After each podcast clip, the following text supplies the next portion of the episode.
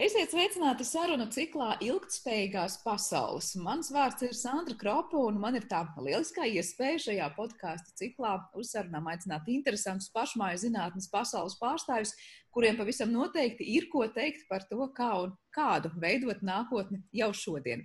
Tieši ar šādu vadmotīvu Rīgas Tehniskās Universitātes vidas aizsardzības un siltums sistēma institūts aicina sabiedrību aizdomāties par to, ko mēs šajos pašizolācijas apstākļos varam darīt jau tagad, lai tā teikt, restarts pēc Covid krīzes un karantīnas beigām būtu iespējami jaudīgs un veiksmīgs. Un par to visu sīkāk tad arī šodien man saruna jau ar minētā institūta docentu un vadošo pētnieku Kārli Valteru. Labdien, Kārli! Labdien! Vispirms par šo pašu iniciatīvu. Tā teikt, kamēr izolācijā, tikmēr gatavojamies jaudīgam startam dzīvei pēc izolācijas. Kā tieši tas notiks un kā to vislabāk izdarīt? Pirmkārt, eh, nu, šis ir tāds laiks, kad eh, cilvēkiem ir, eh, ir iespēja palasīt grāmatas, paklausīties arī podkāstus. Mēs nolēmām, ka būtu labi informēt cilvēkus par to, ko zinātnieki mūsu institūtā dara, kāds cilvēkiem ir labums no tā.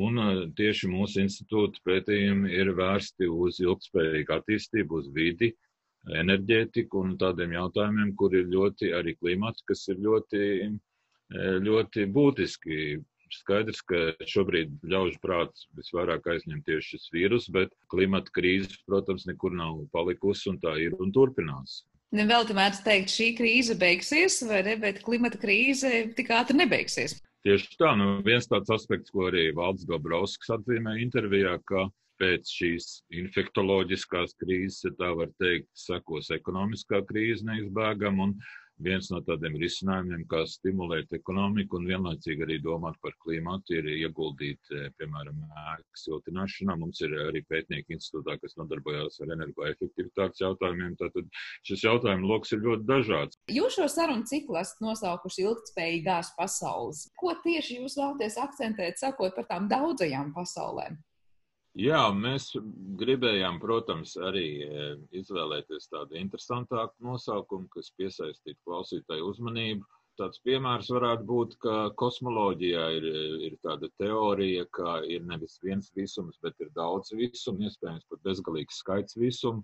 Un šajos citos visumos arī eksistē tādas pašas planētas kā mūsējās. Atkarībā no katras izvēles, ko mēs veicam, kādā citā pasaulē e, notiek pretējais. Līdz ar to mēs e, strādājam pie tā, lai tās izvēles būtu tādas, kas novestu pie pasaules un pasaulēm, kas būtu ilgspējīgas.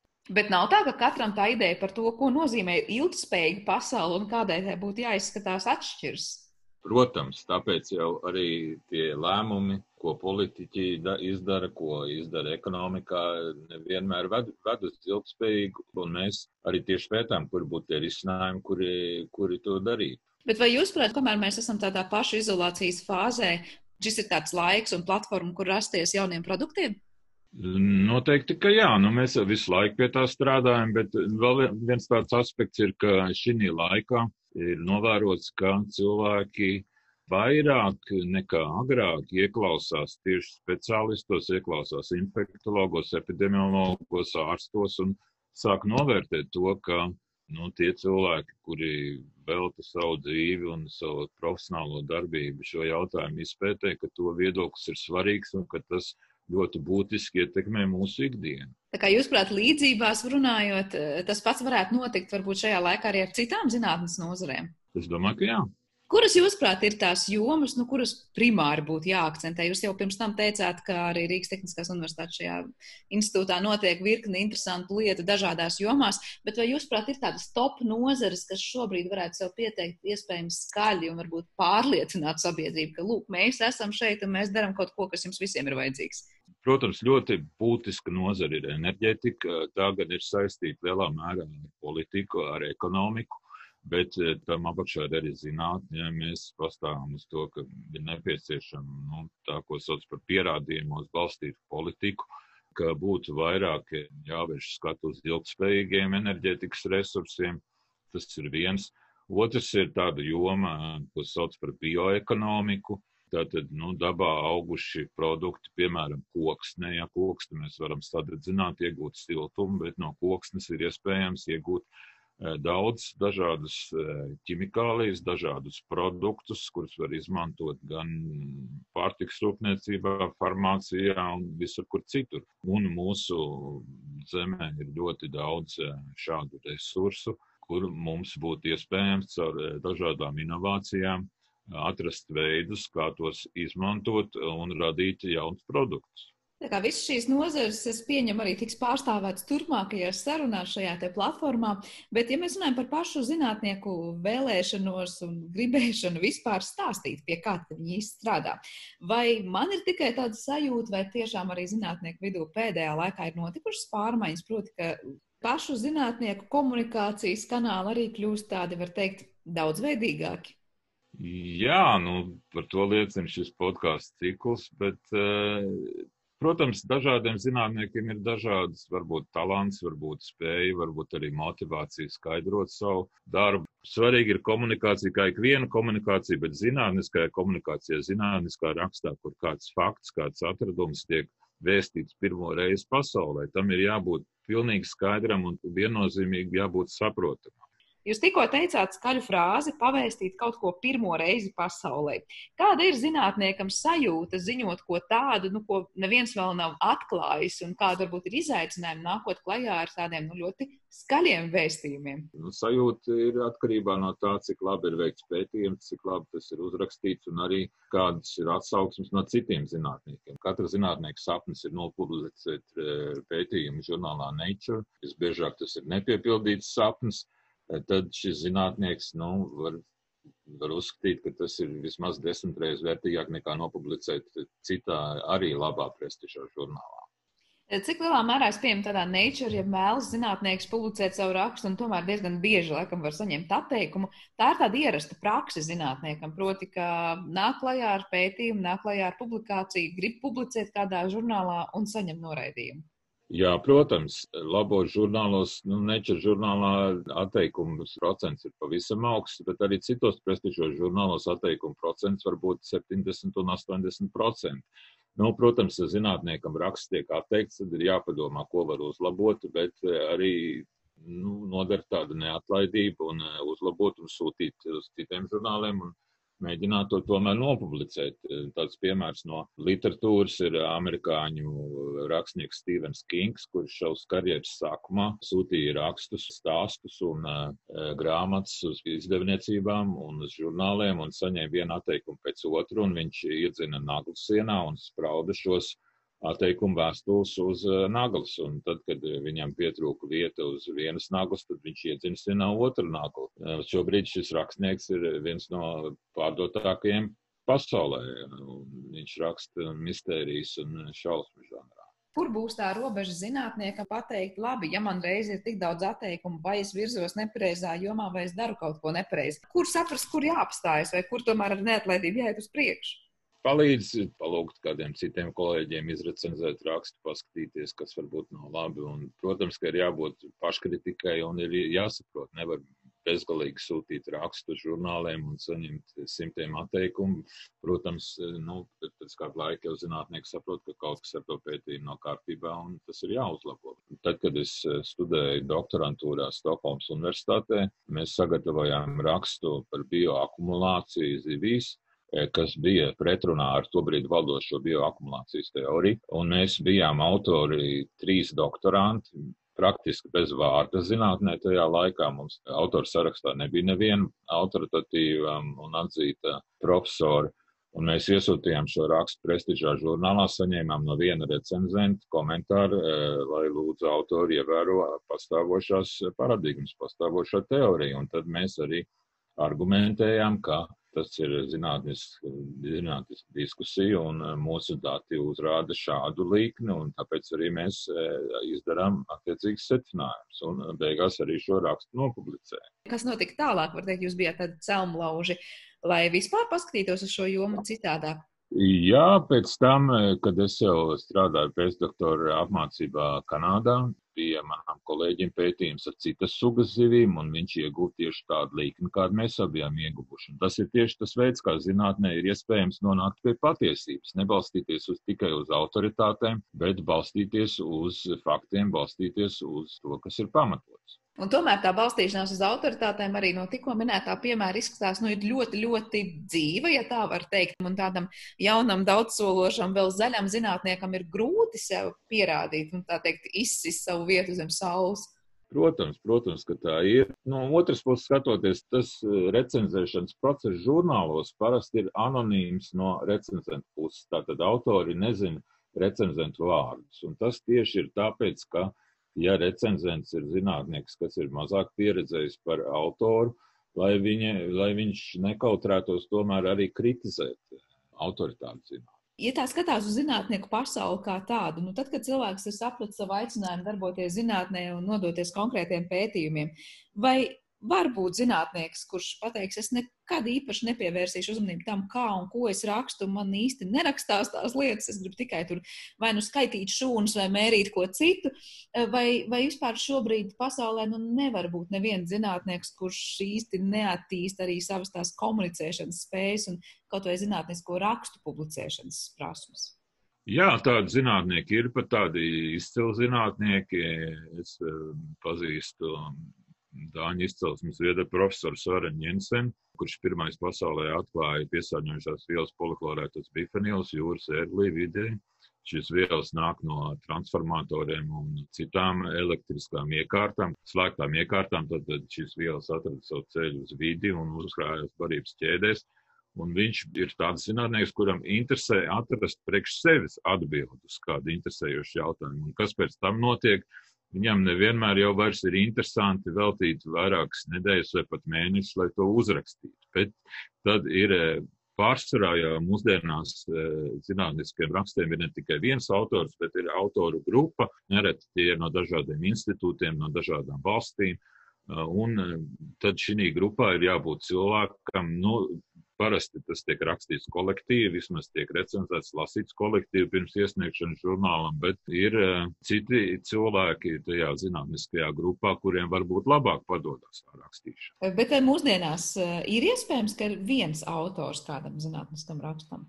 Jā, varbūt tā kuros gadījumos varbūt tā, ka cilvēks joprojām strādā viens, jo parasti nu, mūsdienās tā komanda vai starpdisciplinaritāte ienāk jebkurā praktiski zinātnes nozarē, un īsti vairs tādam e, vienam strādātājam vietas īsti nav.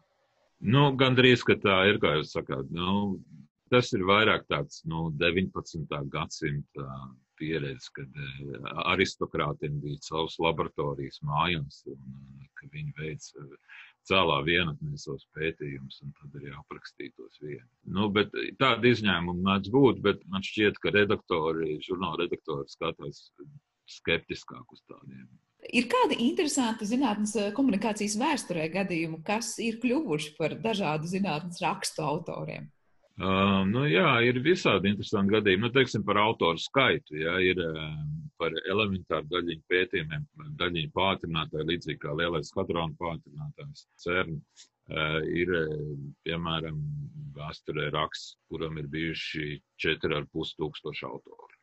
Vai, piemēram, pavisam kurjos gadījums, kad 1975. gadā Michigan State Universitātē ASV fiziķis Džeks Heteringtons eh, bija uzrakstījis rakstu par zemo temperatūru fiziku.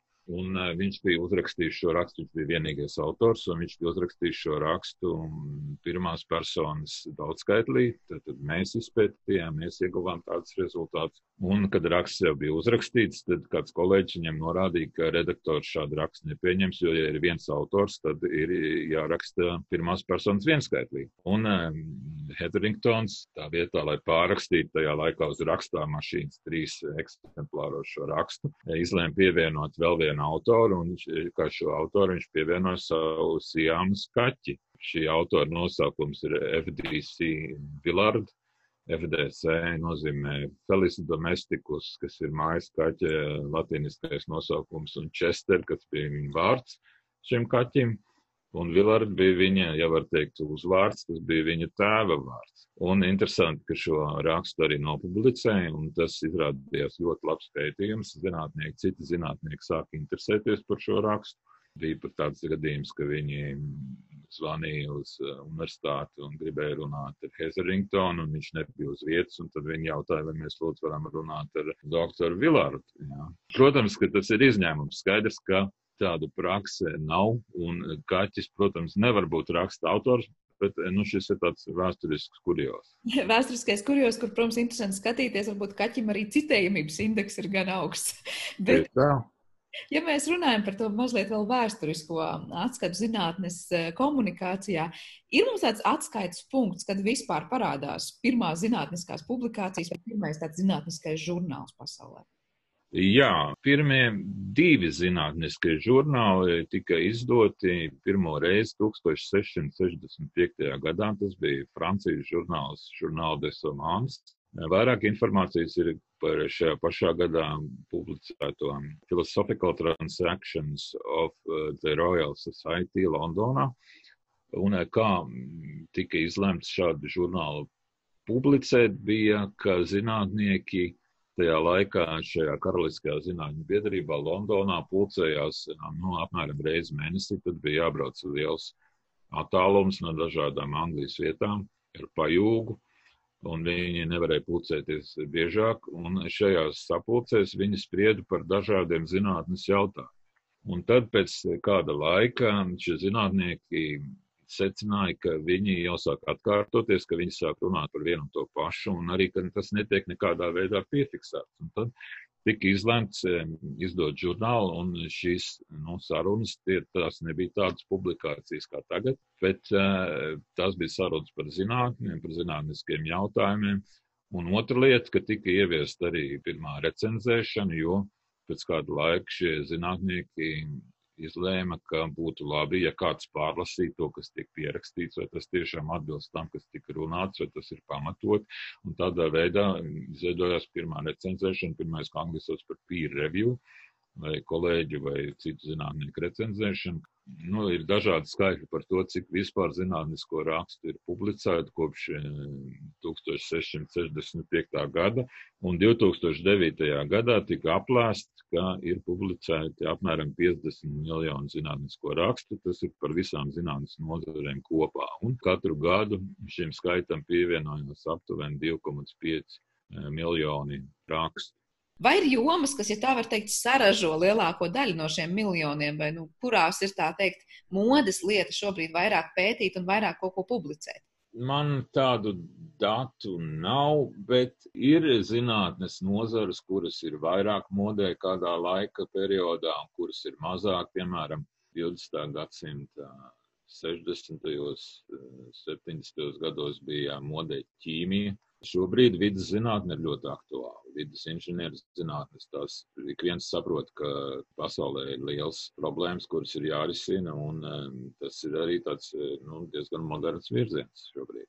Kas ir tas, kas nosaka tās modes jomas, tās pieprasījums pasaulē, kaut arī šobrīd ar vidas zinātni runājot, vai tomēr nu, ir kaut kādas nozares, kurās vieglāk tikt pie publicitātes un atsaucības, tāpēc, ka vienkārši, nezinu, žurnāli specializējas šajos jautājumos?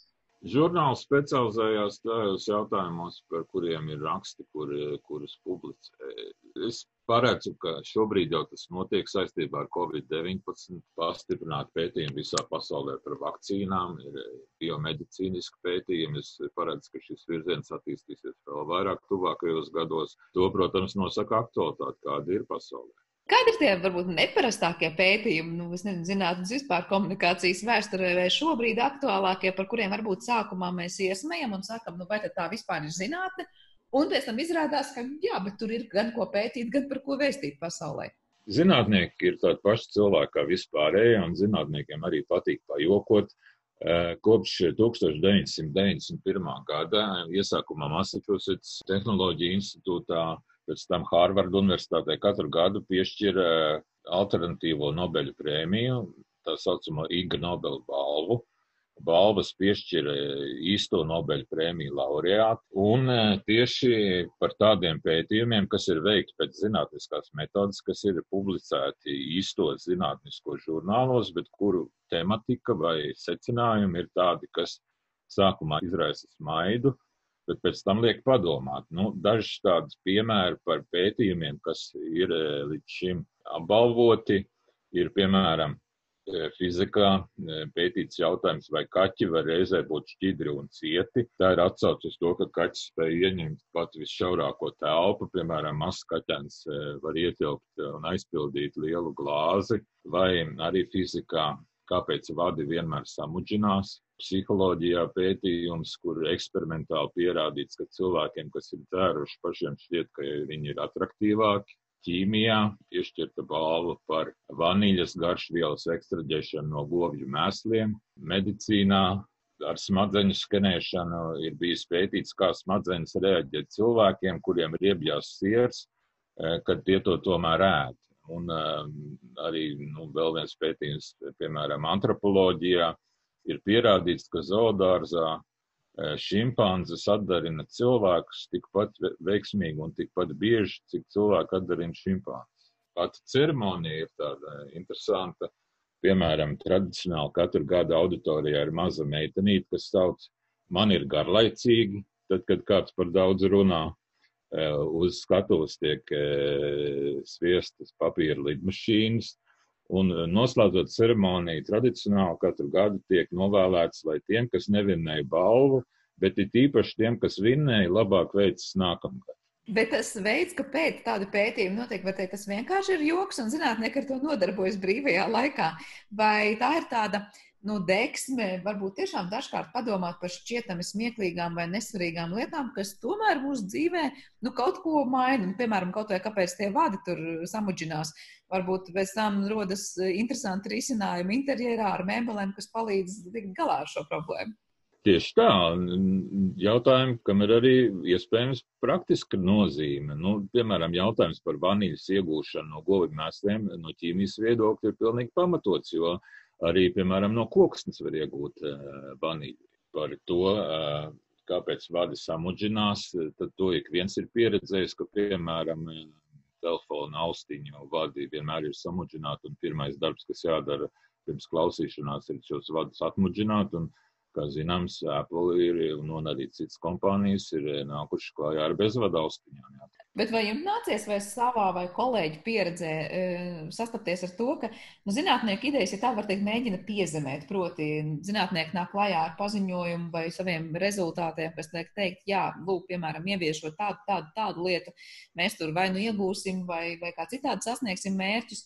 Un tad tās lietas tiek pasniegtas tā, ka tas ir pārāk vai nu rožaini, pārāk neiespējami vai pārāk grūti sasniedzami, un ir jāiet kaut kāds cits ceļš. Gadās tā, vēl arī grūtības sagādā tas, ka zinātnieki parasti neizsakās ļoti kategoriski. Bieži vien nesniedz tādas simtprocentīgas atbildes. Piemērs no šodienas eh, infektologs eh, Uga Dumpis arī kad viņam jautā, kad varētu beigt distancēšanos, un cits jautājums, kas attiecās uz zinātni par, eh, par Covid-19 vīrusu, tādas ļoti kategoriskas atbildes nesniedz. Daudz eh, viņš var stāstīt tikai to, kas ir līdz šim izpētīts. Zinātnieki tādos ierastos pētījumos, varbūt pat domājot, ka tādās krīzes situācijās dzīvo mazliet tā kā vairākus soļus uz priekšu, proti, ielūkojas situācijā, kā būtu, ja būtu, ja mēs, piemēram, kādu konkrētu risinājumu ieviešam, neieviešam, kādu tehnoloģiju attīstam, neattīstam.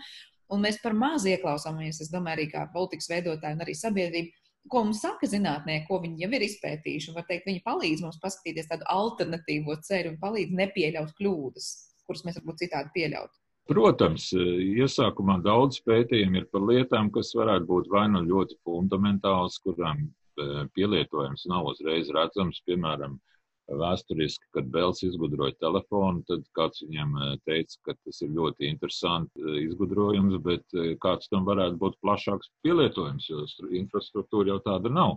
Daudz pētījumu, kas notiek iesākumā, kur pielietojums, nu, viens izgudrojums iesākumā nav pielāgots e, plašākai lietošanai, bet tas jau ir pēc tam tehnoloģija jautājums, inženiertehniskās domas jautājums, lai to tālāk attīstītu, tā ka to beigās izmanto visi cilvēki.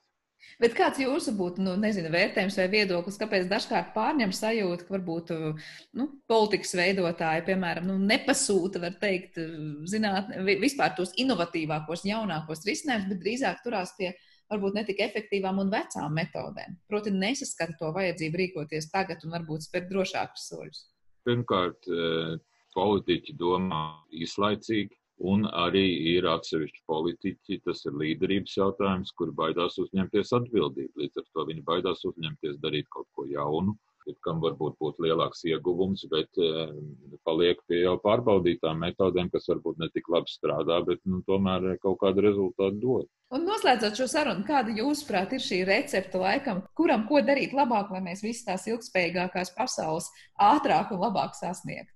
Es eh, domāju, ka nu, pirmkārt nevajadzētu ieklausīties dažādās sazvērstības teorijās, eh, vajadzētu uzticēties zinātniekiem, ārstiem saistībā ar vīrusu padomāt par saviem mērķiem un sapņiem, ir vairāk brīva laika kaut ko mācīties un domāt par to, ka šī izolēšanās reiz beigsies un, un tad būs daudz citi izaicinājumi un jautājumi, kas ir saistīti ar vidi, ir un paliks un kļūst ar vien svarīgāki. Paldies par šo sarunu. Dzirdējām Rīgas Tehniskās Universitātes vidas aizsardzības un siltumsistēma institūta docentu un vadošo pētnieku Kārlu Valteru. Piebildīšu, ka šo podkāstu ciklu varat klausīties gan Anchor, gan Spotify platformās.